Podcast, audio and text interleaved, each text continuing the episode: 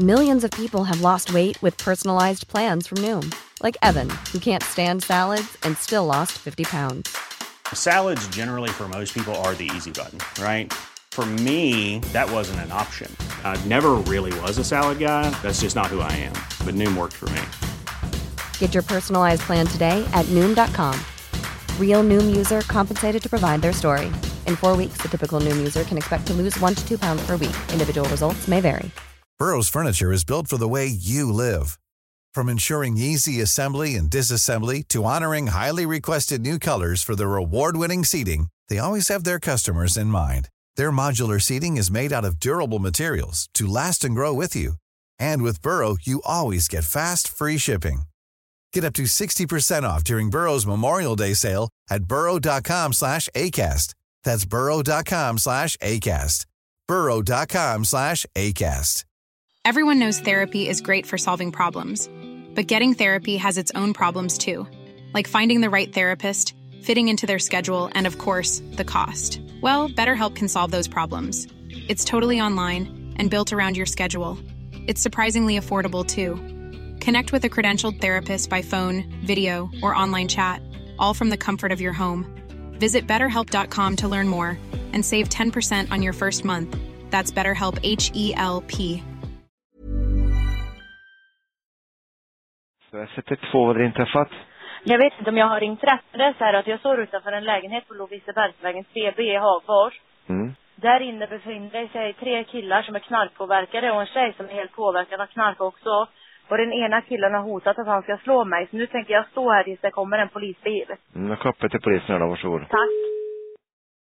Sent på kvällen den 19 juli 2018 ringer den 24-åriga Sara till polisen för att berätta att hennes ex-pojkvän Harut har hotat henne.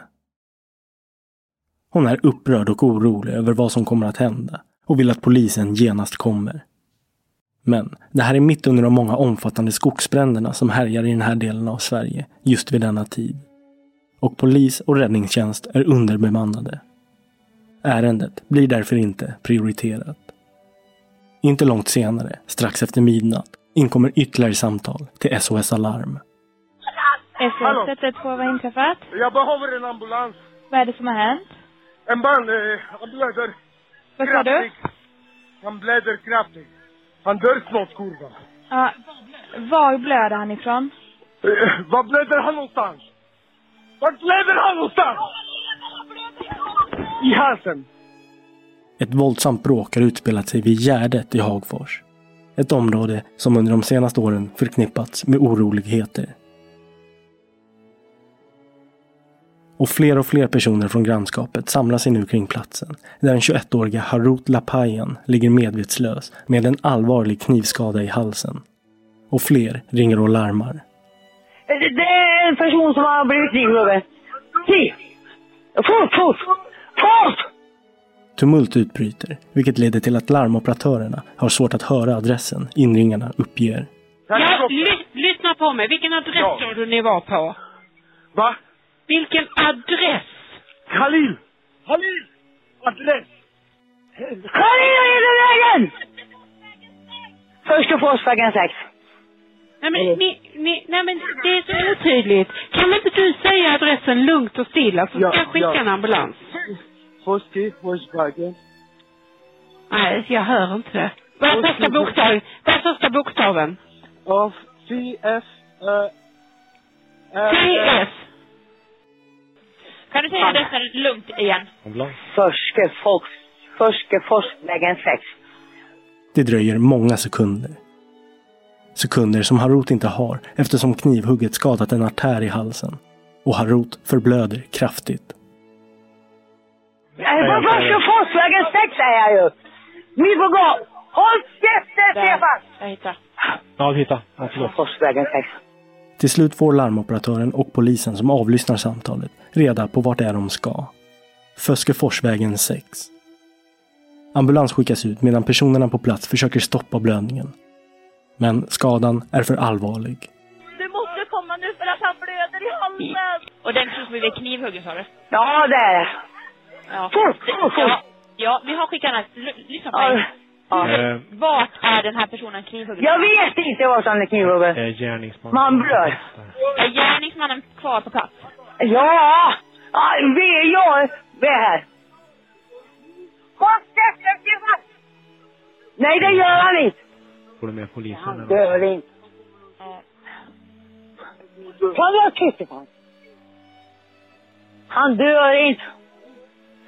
Jag sätter ett hinder. Var- Varför blöder han? Varför, varför blöder han? Polispatruller är nu på väg till platsen och de ställer in sig på att ett brott har begåtts. Och det blir viktigt för dem att få reda på om någon har sett vad som har hänt. Och du, du såg inte vad som hände, ingenting? Nej. Nej. Ambulansen är på väg där. Ja, det är bra. Är gärningsman på, plats där eller? Vet inte. De är när som helst. Ja, de är där när som helst. Ja. Ja. Men jättebra. Tack för att ni ringde. Ja. Men... Mm, tack. Hej.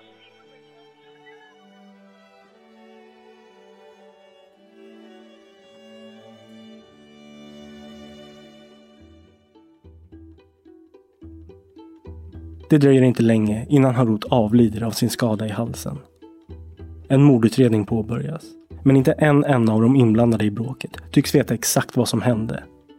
Inte heller någon av de uppemot 50 övriga vittnena säger sig ha sett det dödliga hugget. Den så kallade knivskärningen i Hagfors blir därför till en början ett svårutrett brott. Och det kommer att dröja innan mordet på Harut kommer att klassas som just ett mord. Och den stora frågan som kommer att genomsyra det här fallet i både tingsrätt och hovrätt är vem mördade Harut? Och då sa jag, vem knivhögg Harut? Då sa hon det, jag vet inte, jag vet inte. Rätt som det är så har jag en kniv i handen som jag kastar ifrån mig och så ligger han där. Mitt namn är Nils Bergman och du lyssnar på Rättegångspodden och del 1 om knivmordet i Hagfors. Det var i juli som de båda enligt åtalet begav sig hem till mannen och ska ha slagit honom med baseballträ och sen huggit honom med kniv i halsen. När de börjar bråka så befinner sig Denise i köksfönstret och kastar ut bestick och tallrikar och vad vet allt. Denise? Denise? Ja, mannen är död. Ja, Denise? Enligt den åtalade mannens advokat nekar hans klient till gärningen och hur den åtalade kvinnan ställer sig till mordanklagelserna är nu oklart. Kan du svara på vem det är som har huggit Harut i halsen? Nej, det kan jag inte, för jag såg aldrig att han blev huggen. Jag såg minst av allt uppförstekte. Min del är väl bara att jag försökte rädda livet på honom. Det är min del. Vissa säger att det kanske är någon helt annan än de två. Så det pratas ju väldigt mycket. Varje vittnesmål är mer att se som en pusselbit i, en, i den stora helheten. Det finns ytterligare vittnen som har haft kontakt med en utav de eh, tilltalade personerna före och efter händelsen.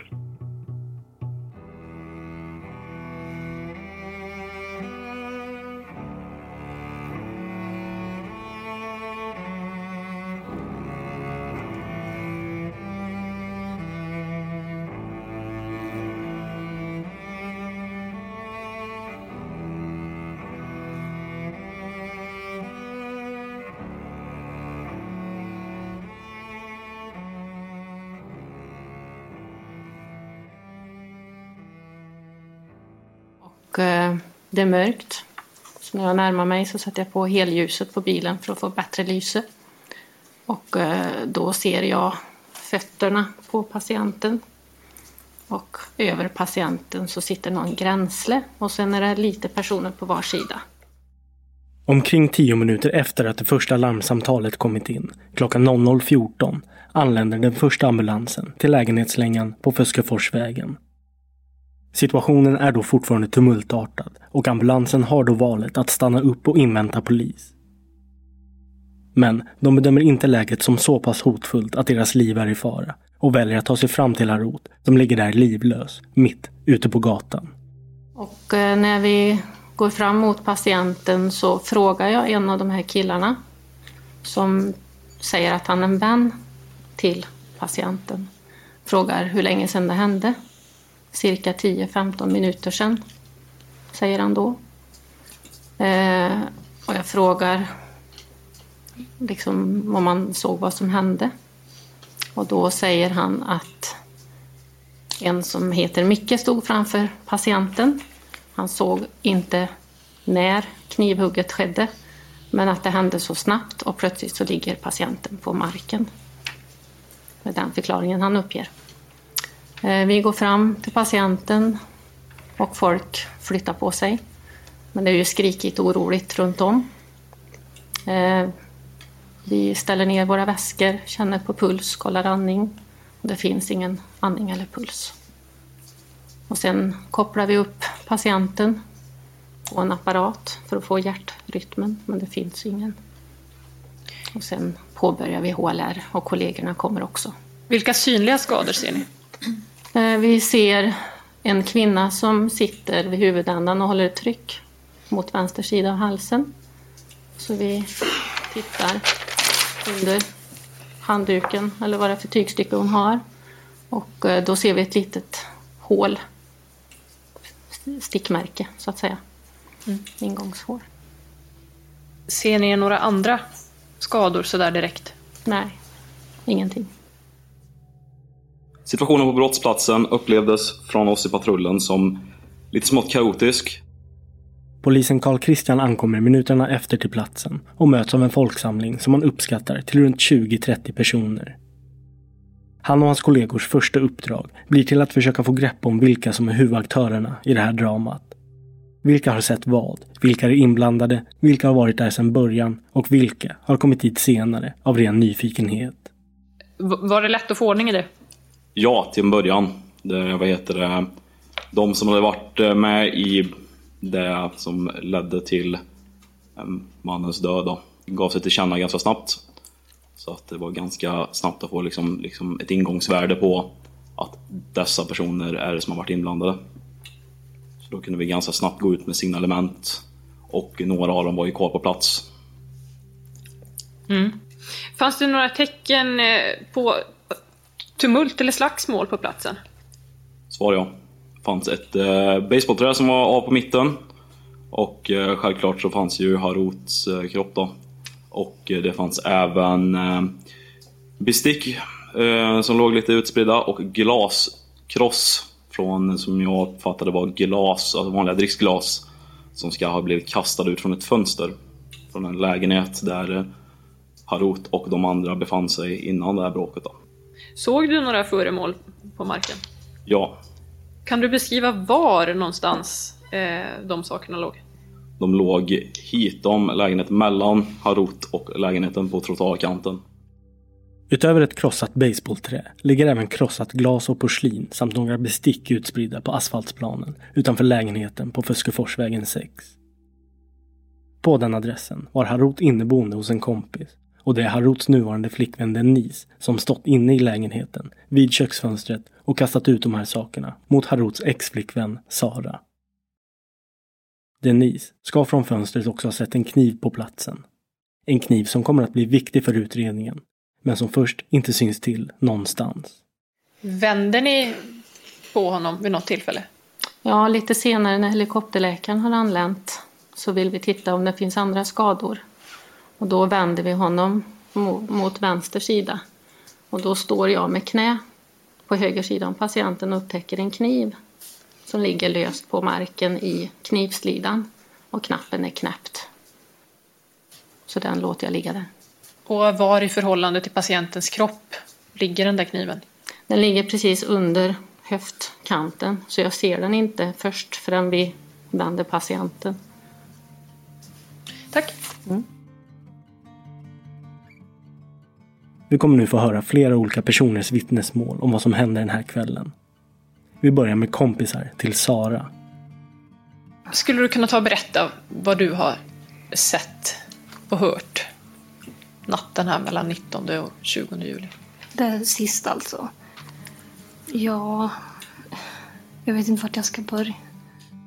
Tidigare den här kvällen åker kompisgänget Sara, Amanda, Angelica och Jolin runt i Amandas bil och till slut hamnar de nära Denise bostad.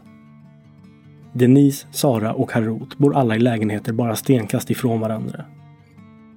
Sara tycker sig se att Harut befinner sig i Denise bostad och väljer då att ringa polisen. Där inne befinner sig tre killar som är knarkpåverkade och en tjej som är helt påverkad av knark också. Och den ena killen har hotat att han ska slå mig. Så nu tänker jag stå här tills det kommer en polisbil. Sara och hennes vänner väntar inte utanför Denise lägenhet särskilt länge. För de ser hur Denise, Harut och hans två kompisar Daniel och Khalil lämnar Denise lägenhet och går gatorna över till Khalils lägenhet, som Harut bor i. Sara, Amanda, Angelica och Jolin går då hem till Sara, som bor ett par kvarter bort med sin mamma Lilian. Vi hör kompisen Amanda. Vi åkte hem till Sara. Vi satt utanför först bara. Och sen så, jag vet inte hur länge, men sen började det skrik från några gator bort. Att Sara skulle komma dit och jag kommer inte ihåg allt som skreks. Kompisarna upplever nu hur främst Harut börjar skrika saker mot Sara. Kompisen Jolin har bättre minne om vad som skreks. Ord som hora, eh, jag ska döda dig, fett och, och sen så var det även någonting med att eh, Sara inte kan få barn. Som de skrek om. Och då vet jag Sara skriker att de kan komma och prata som normalfolk istället för att stå och skrik emot varandra med väger emellan. Eh, och sen blir det väl att eh, Lilian ropar på Micke då som bor grann att Sara behöver hjälp i ett bråk. Och då kommer han utstörmad med basebollträ. Då ropar Lilian ut Mikael att han ska hjälpa Sara eller något sånt. Jag kommer inte ihåg vad hon sa riktigt. Och då tar han med ett basebollträ och går efter den. Sara är på väg mot Haruts bostad då plötsligt den 48-åriga Mikael ansluter sig till henne. Mikael är inneboende i sin kompis Peters lägenhet och är vid tillfället granne till Sara och hennes mamma Lilian. Det är något oklart vem av Sara eller Lilian, eller om det är båda, som uppmanar Mikael att följa med Sara. Vi hör kompisarna Angelica och Jolin. Då kommer han ut med ett basebollsträ. Då går bestämt där det är. Och vi, jag, Jolin och Amanda är, är kvar någon minut stund hos Sara. Alltså, han har ju basebollträ med sig. Och han är ju väldigt... Hur ska jag förklara sin App, appjagad, förstår ni då? Alltså att han är liksom som att... Alltså han är ju bestämd på att han ska dit. Alltså raka vägen dit. Tillsammans med Sara går nu Mikael mot Haruts bostad och har med sig sitt baseballträ som han döpt till Mr Payne. Kompisarna till Sara följer inte med, men de går en liten bit närmare och stannar längs sidan av lägenhetslängan. Innan de vet ordet av har ett bråk uppstått. När vi kommer fram så ja, jag ser ingenting vad som händer. Jag bara hör att det skriker och smäller. Och så ser jag Denise står i fönster och kastar ut grejer men jag vet inte vad det är. Och då så ser vi att ja, det bråkar men vi ser inte riktigt precis för att det är en, även en bilparkering där. Så det är bilar som är lite i vägen. Och eh, men därifrån ser man i alla fall att Denise slänger tallrikar och glas i alla fall porslin. Eh, och skriker hora och allt möjligt. Och ehm, sen så hör vi den där smällen som är jättehög. Och då frågar vi ju varandra typ att vad fan var det där för något? Och ehm, sen så vet jag att Sara skriker ring ambulansen, ring ambulansen i sina hjärtskärande skrik och då blev det att jag gick fram, eller vi tre gick fram till honom bara att jag gick några centimeter eller jämnt steg framåt för de mannen. Och då när jag kommer fram då så ligger jag Harut och blöder där. Medan Jolin är chockad över att Harut ligger där och blöder noterar Amanda att Mikael går förbi henne. Tillbaka mot hållet han kom från. Han går bara förbi rätt så snabbt och Sara ropar på sin mamma. Ja. Och hur minns du vad Sara ropar? Ja, typ mamma några gånger och sen ring ambulans och sen ropar alla ring ambulans i stort sett samtidigt tycker jag. Det är nu samtalen börjar komma in till SOS Alarm. SOS 112, vad har inträffat? Jag behöver en ambulans. Vad är det som har hänt? Eh, en man, eh, ambulans. Vad sa du? Och det är Harouds kompis Daniel som vi hör ringer in. Jag brukar hälsa på Harud och eh, ja, softa med honom bara. Eh, så det var en vanlig kväll. Vi kommer nu höra Harouds kompisar Daniel och Khalils vittnesmål. Tidigare den här kvällen har de varit hemma hos Denise och chillat innan de bestämmer sig för att fortsätta kvällen i Harut och Khalils bostad. Under kvällen har Harut och Daniel rökt en joint hash och Daniel har även druckit några folköl.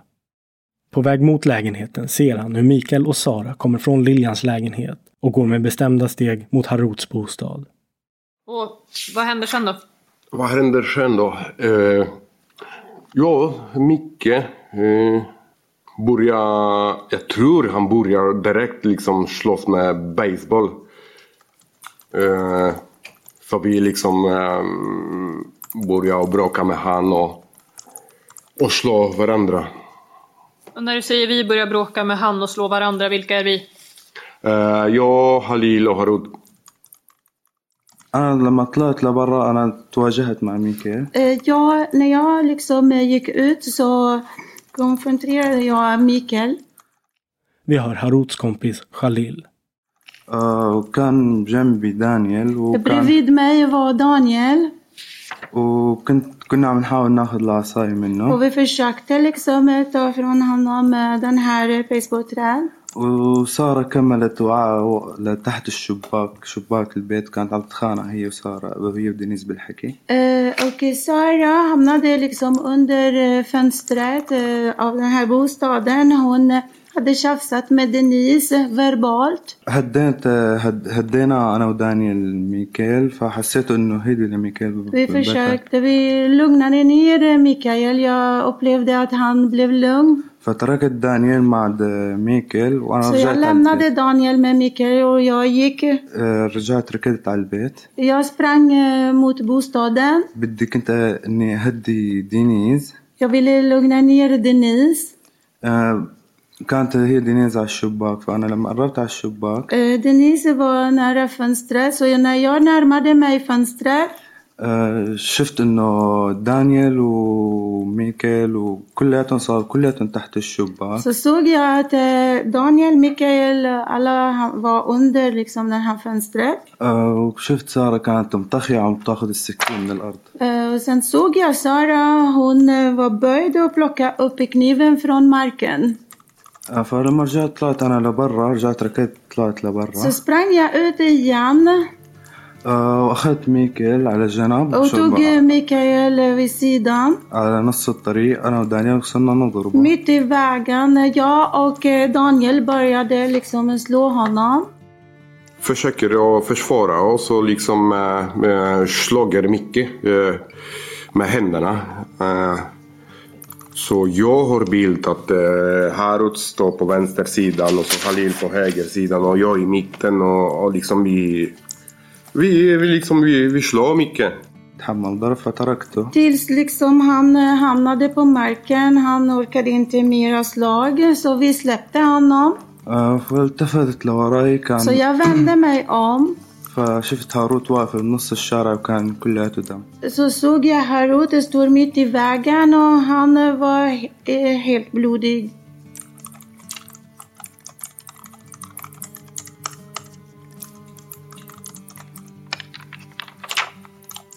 Vet du vad det var vad som hade gjort Harut helt blodig? بعتقد انه اكل سكين برقبته Jag tror eh, han tog emot en knivhugg i nacken. Eh, och sen, sen, sen börjar liksom ser Harut med skräck i ögonen. Liksom. Och efter några sekunder ligger han på marken vet du. Hur ser han ut då? Skräck i ögonen. Mm. Kolla framför mig. Han, sit, han står framför mig och, och kollar. Mm. Rädd, jätterädd i, i ögonen.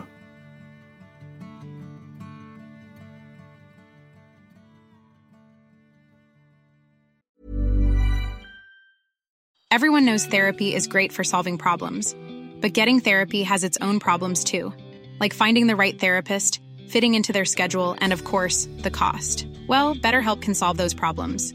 It's totally online and built around your schedule. It's surprisingly affordable too. Connect with a credentialed therapist by phone, video, or online chat, all from the comfort of your home. Visit betterhelp.com to learn more and save 10% on your first month. That's BetterHelp H E L P. Hey, it's Ryan Reynolds, and I'm here with Keith, co star of my upcoming film, If, only in theaters, May 17th. Do you want to tell people the big news?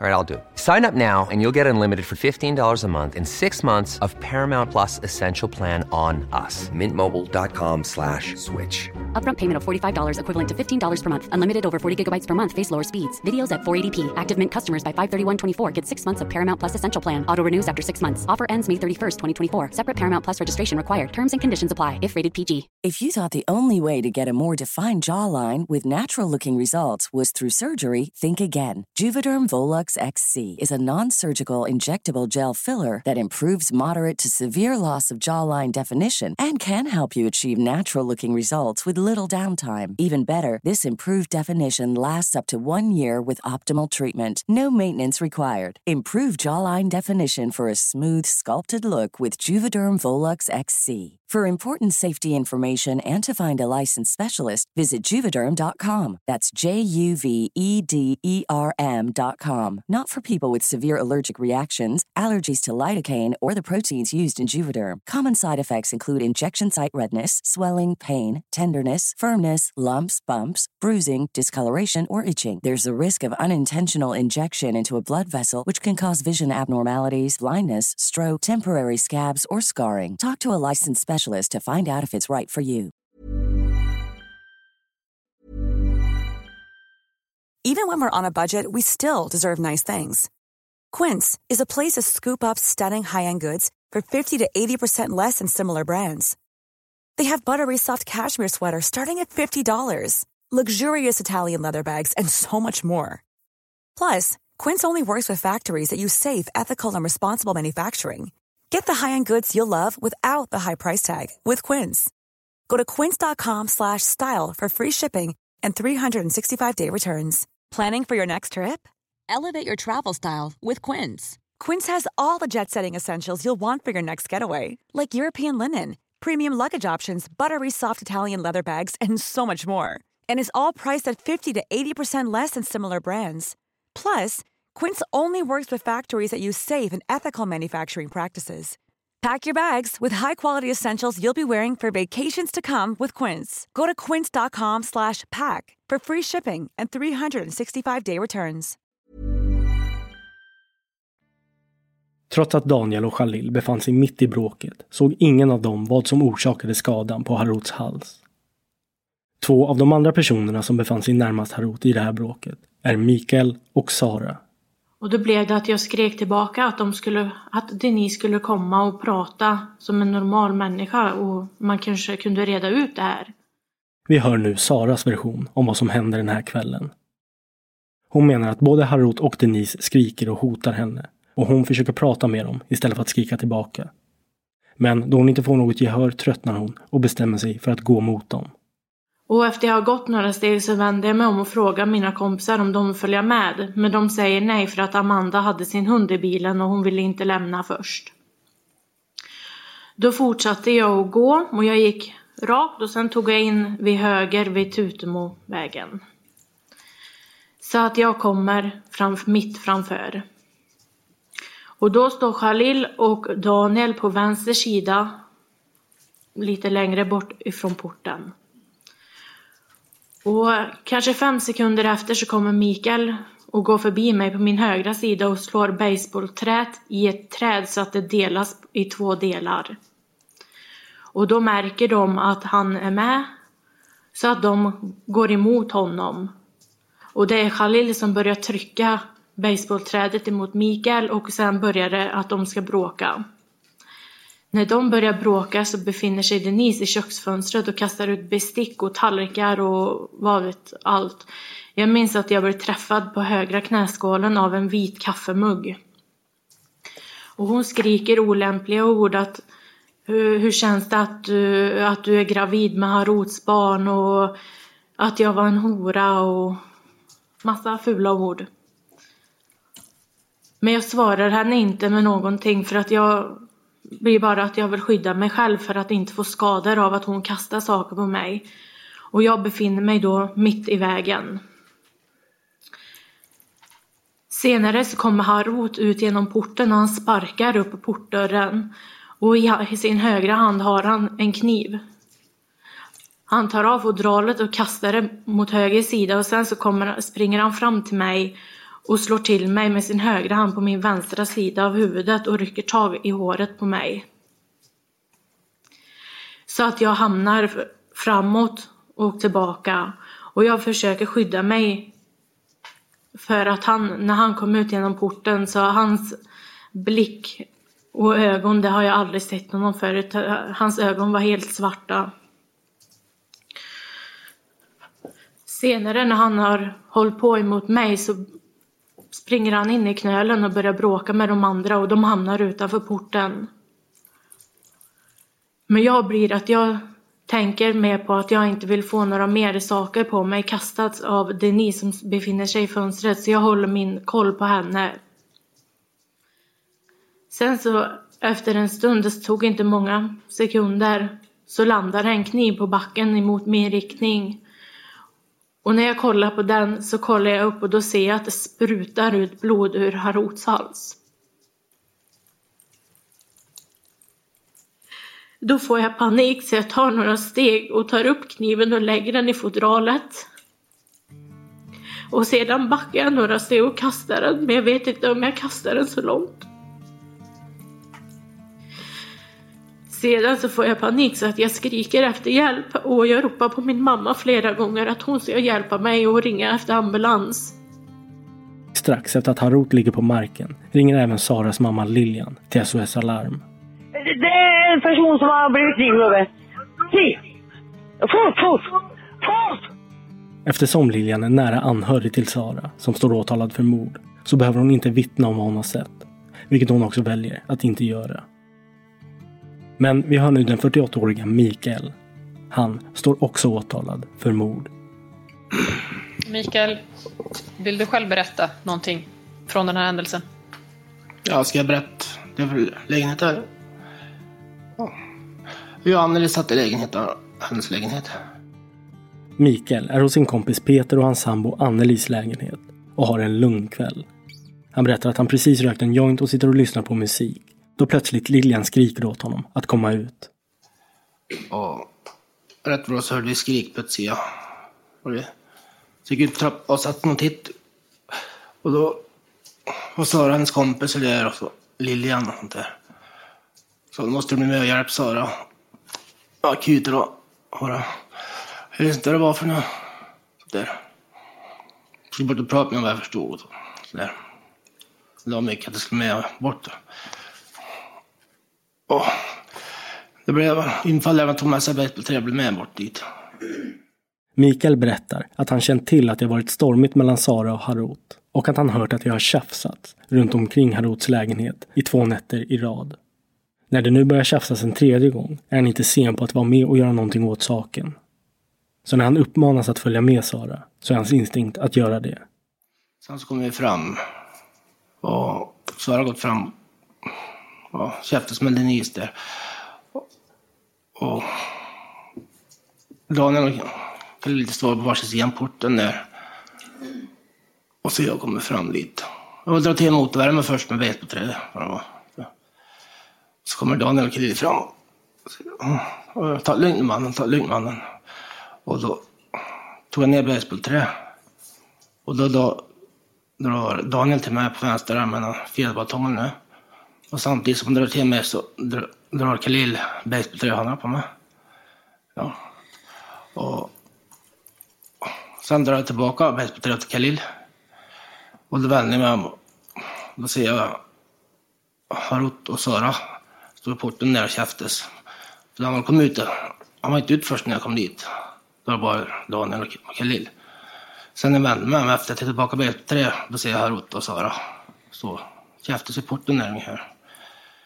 Och då gör han utfall med den eh, så här, den där som jag uppfattar var en fjäderbatong. slag. jag vet inte om jag träffar eller sånt där. Så här, han vara. Sen säger Så jag säger, fan igen där. Och tittar han upp mig och jag tittar mot hemmen. Så krypte vi ihop så att Daniel och jag, Harut och Khalil hamnade i en klump. Allihop då. Beror på. Ja, bondslagsmål om man säger så. Ja. Och sen så ja, dansade runt mig så. Ska vi vid porten där. Och jag får ett slag som fan i huvudet och rygg. och- där. Så att jag kommer ihåg ett slag jag fick på armarna för att då, hamnade jag bakom gjorde jag. Med en knät och där. Och sen reste jag mig upp och tag i på här uppe där om men då känner, känner jag att det slutar att slämma och så ropar Daniel, Harut, Harut ropar Daniel. Och så tar man upp så här. Då ser jag, han blev han skrattlös när jag hällde in flera där. Och då hör jag när han säger mycket, mycket, han blir knivhuggen. En kvinnoröst. Jag är inte 9 procent säker på att det var Sara som sa att man är... Jag vill bara rösta. Så. Och så släppte jag, gjorde jag. Så. Och... fick jag bort.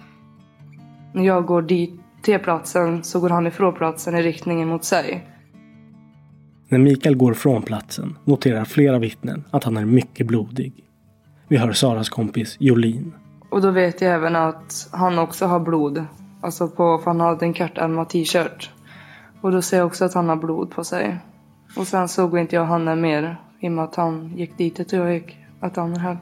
Mikael är också den enda av alla inblandade som direkt väljer att lämna brottsplatsen. Han går tillbaka till kompisarna Peter och Annelis lägenhet och när polisen senare anländer kommer de att klassa Mikael som en misstänkt gärningsman på flykt. Ja, sen så började ju Haruts kompis, för det var ju två stycken kompisar som satt bredvid honom. Även Haruts kompisar Daniel och Khalil kommer misstänka Mikael som personen som dödat deras kompis. Vi hör Anneli som efter tumultet också begett sig över till brottsplatsen. Och då började det på att, ja, vem var det? De började gå, gå på Sara då, liksom att det var hon som hade högt den. Och då sa hon, det var inte jag. Och då sa jag, ja men det måste vara han den andra som var med. Alltså han, han som bor bredvid ja, er. Mikael eller vad han heter, sa han. Då ska vi fan gå och ja, ta han för det här typ. Och då blev jag så här, nej men gud. Så då sprang jag tillbaka till lägenheten och sa till Mikael att du måste dra ifrån nu liksom. För att det ska ju ta det typ. Jag fick ju panik. Och eh, då så sa han ju att ja, han ville gå upp till kyrkogården- och säga hej då till sin fru som är begravd där. Först sa han, kan du bli med mig dit så kan du gå sen sa han. Och så då blev jag med honom upp dit. Anneli ger Mikael ett järnrör att kunna skydda sig med om Daniel och Khalil skulle dyka upp. Mikael fruktar för sitt liv och vill därför gå till kyrkogården för att ta farväl av sin avlidna fru. Men så gick vi upp till kyrkogården och så sa han ju typ det, satt sig vid graven. Och sa att eh, jag har ställt teet för mig så jag kommer försvinna ett tag liksom. Men Anneli tar hand om det, eller hur? sa han typ. Jag bara, ja det är klart typ. Du går upp till kyrkogården säger du. Vad var anledningen till att du skulle gå dit? Bara för att Annie ville ha mig i lägenheten bara för att det var tre araber efter med mig som skulle döda mig med kniv så. Ja. Och när Anneli är i din eh, lägenhet, då, då hade du duschat? Ja, det sa jag till henne, du måste duscha med bloden. Ja. Det var chocktillstånd. Hur kommer det sig att du lämnar den här platsen, Föskeforsvägen, går hem blodig och dan och så duschar du och tar av dig kläderna och sätter på dig rena? Varför Ja, blir du inte kvar på platsen? Ja, nej, jag vet inte varför jag inte var. Nej, jag vill inte vara kvar på platsen. Nej, varför vill du inte vara kvar på platsen? Nej, jag vill inte vara. Jag vill bara därifrån. En av poliserna på plats beordras göra en husrannsakan i Peter och Annelis lägenhet som Mikael bodde i vid tiden och hämta in Mikael på förhör. Men då är inte Mikael där. När polisen precis är på väg att lämna lägenheten så hör han röster utanför och det visar sig då att Mikael självmant tagit sig tillbaka till lägenheten. Mikael förs då in i en polisbil och transporteras till polisstationen för förhör. Under transporten ska Mikael ha agerat lugnt och upplevdes inte agiterad eller påtagligt nervös. Men polismannen noterar att han sluddrar något på talet. Men lika lugn menar inte Mikaels kompis Peter att Mikael var på vägen till bråket. Tror du ifall Mikael säger någonting? När han är på väg bort mot Föskeforsvägen. Ja. Han ropar på mig. Kolla. Och vad ropar han? Kom igen nu så ska vi gå och slå ihjäl Harut, sa han. Mm. När polisen förhör inblandade och vittnen går det snart upp för dem att ingen tycks ha sett knivhugget. Men alla vittnen har sett någonting och det gäller för utredarna att lägga ett pussel. När Saras kompis Jolin hörs berättar hon att Khalil ska ha betett sig något underligt på platsen. När polisen anlänt ser hon hur Khalil går tillbaka in i sin lägenhet. Och även Denise också. Eh, men då har de ingenting i händerna som jag ser. Eh, sen så kommer han ut ifrån lägenheten och då har han en ehm, ICA papperspös som är, alltså som är full. Och det ser nästan ut som att det skulle vara, om det skulle kanske vara något tyg eller aktigt eller något sånt där. Då. Men jag vet även att han passerar några poliser då utan att de reagerar på att han har hämt en pös. Sen så går han upp emot Storvägen och så är han bort i kanske 5-10 minuter och så kommer han tillbaka och då har en kanna pös med sig. Då kommer han tomhänt. Du har ju under kvällen sen slängt en påse. يعني انه Har du någon انت kommentar اخر till det? الليل في بشافوك أنا ما كبيت كيس Jag har inte slängt någonting. Nej. Vi bor ju i Hagfors som är väldigt litet så det pratas ju väldigt mycket.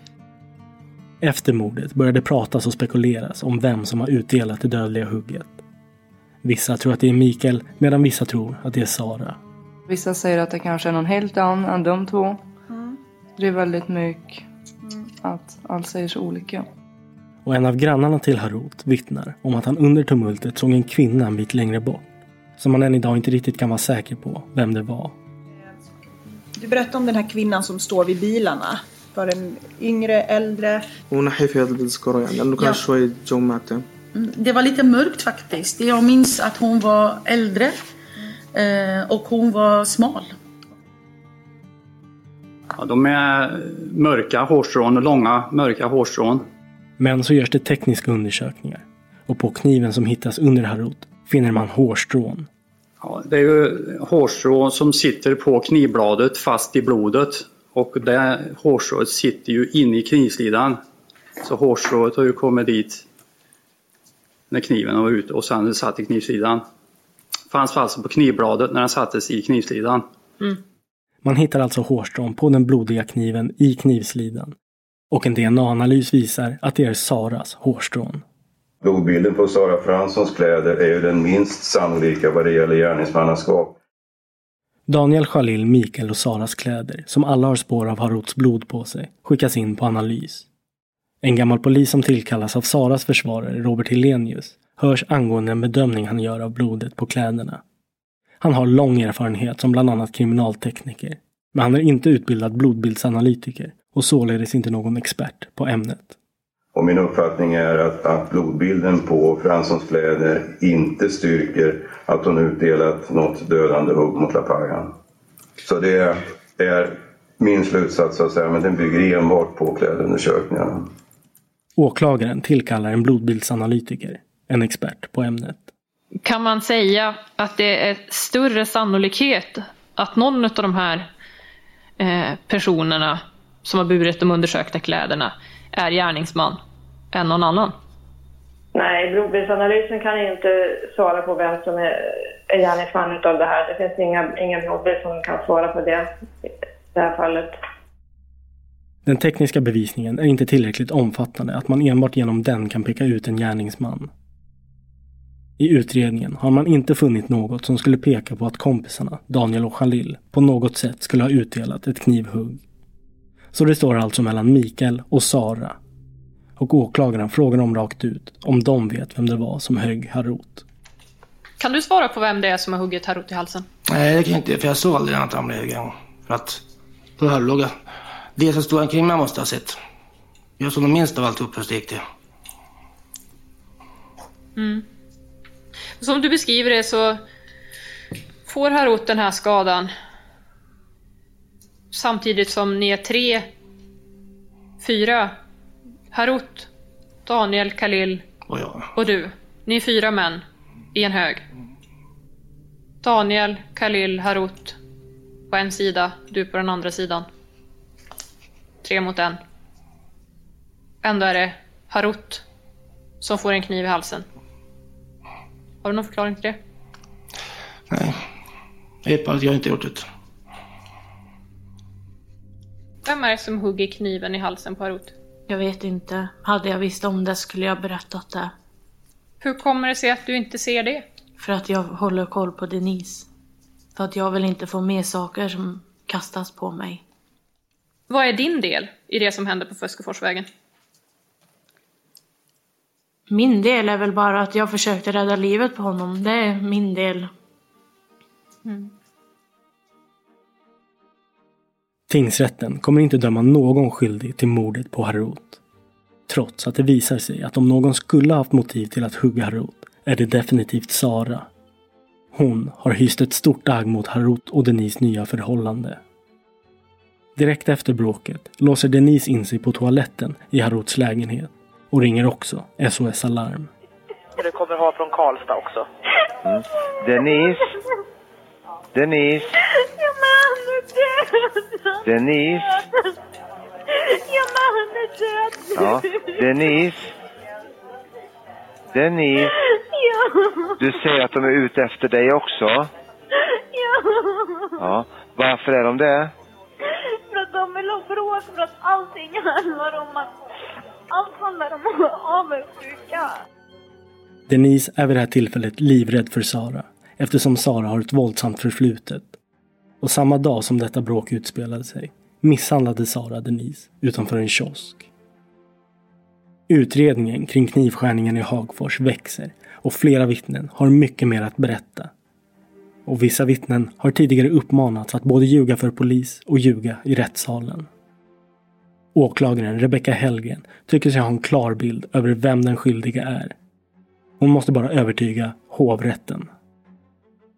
Under utredningen så har framkommit att Sara har tagit det här uppbrottet hårt och hon har beskrivits som eh, svartsjuk och kontrollerande. Det har ju påståtts att Sara är väldigt svartsjuk. Vad har du att säga om det? Det stämmer inte. Sara Fransson har också gått till fysiskt angrepp mot Denise. Hon ville ha Harut. Jag tror inte att, att hon ville att Denise skulle ha honom. Hon ska även ha spionerat på Harut och bett bekanta hålla koll på honom för hennes räkning. Dagen efter läste jag meddelanden via Messenger och då sa jag till henne att det är ganska allvarligt. Det här är någonting som bör komma till kännedom. Hon anmälde mig dock inte, men jag ska sätta dit de fittorna. Sen hör jag någon som ropar och säger att mamma, mamma, ring efter polisen för jag har gjort mitt livs misstag. Det är där liksom man som har satt sig mitt min mest. Du har lyssnat på del 1 om knivmordet i Hagfors. Mitt namn är Nils Bergman. Ansvarig utgivare är Jonas Häger. Stort tack för att ni har lyssnat. Rättegångspodden är en Tall Tale produktion. Ansvarig utgivare är Jonas Häger. Och Rättegångspodden görs i samarbete med Lexbase. Ange rabattkoden Rättegångspodden när du blir ny betalande medlem på lexbase.se och få tre kostnadsfria domar.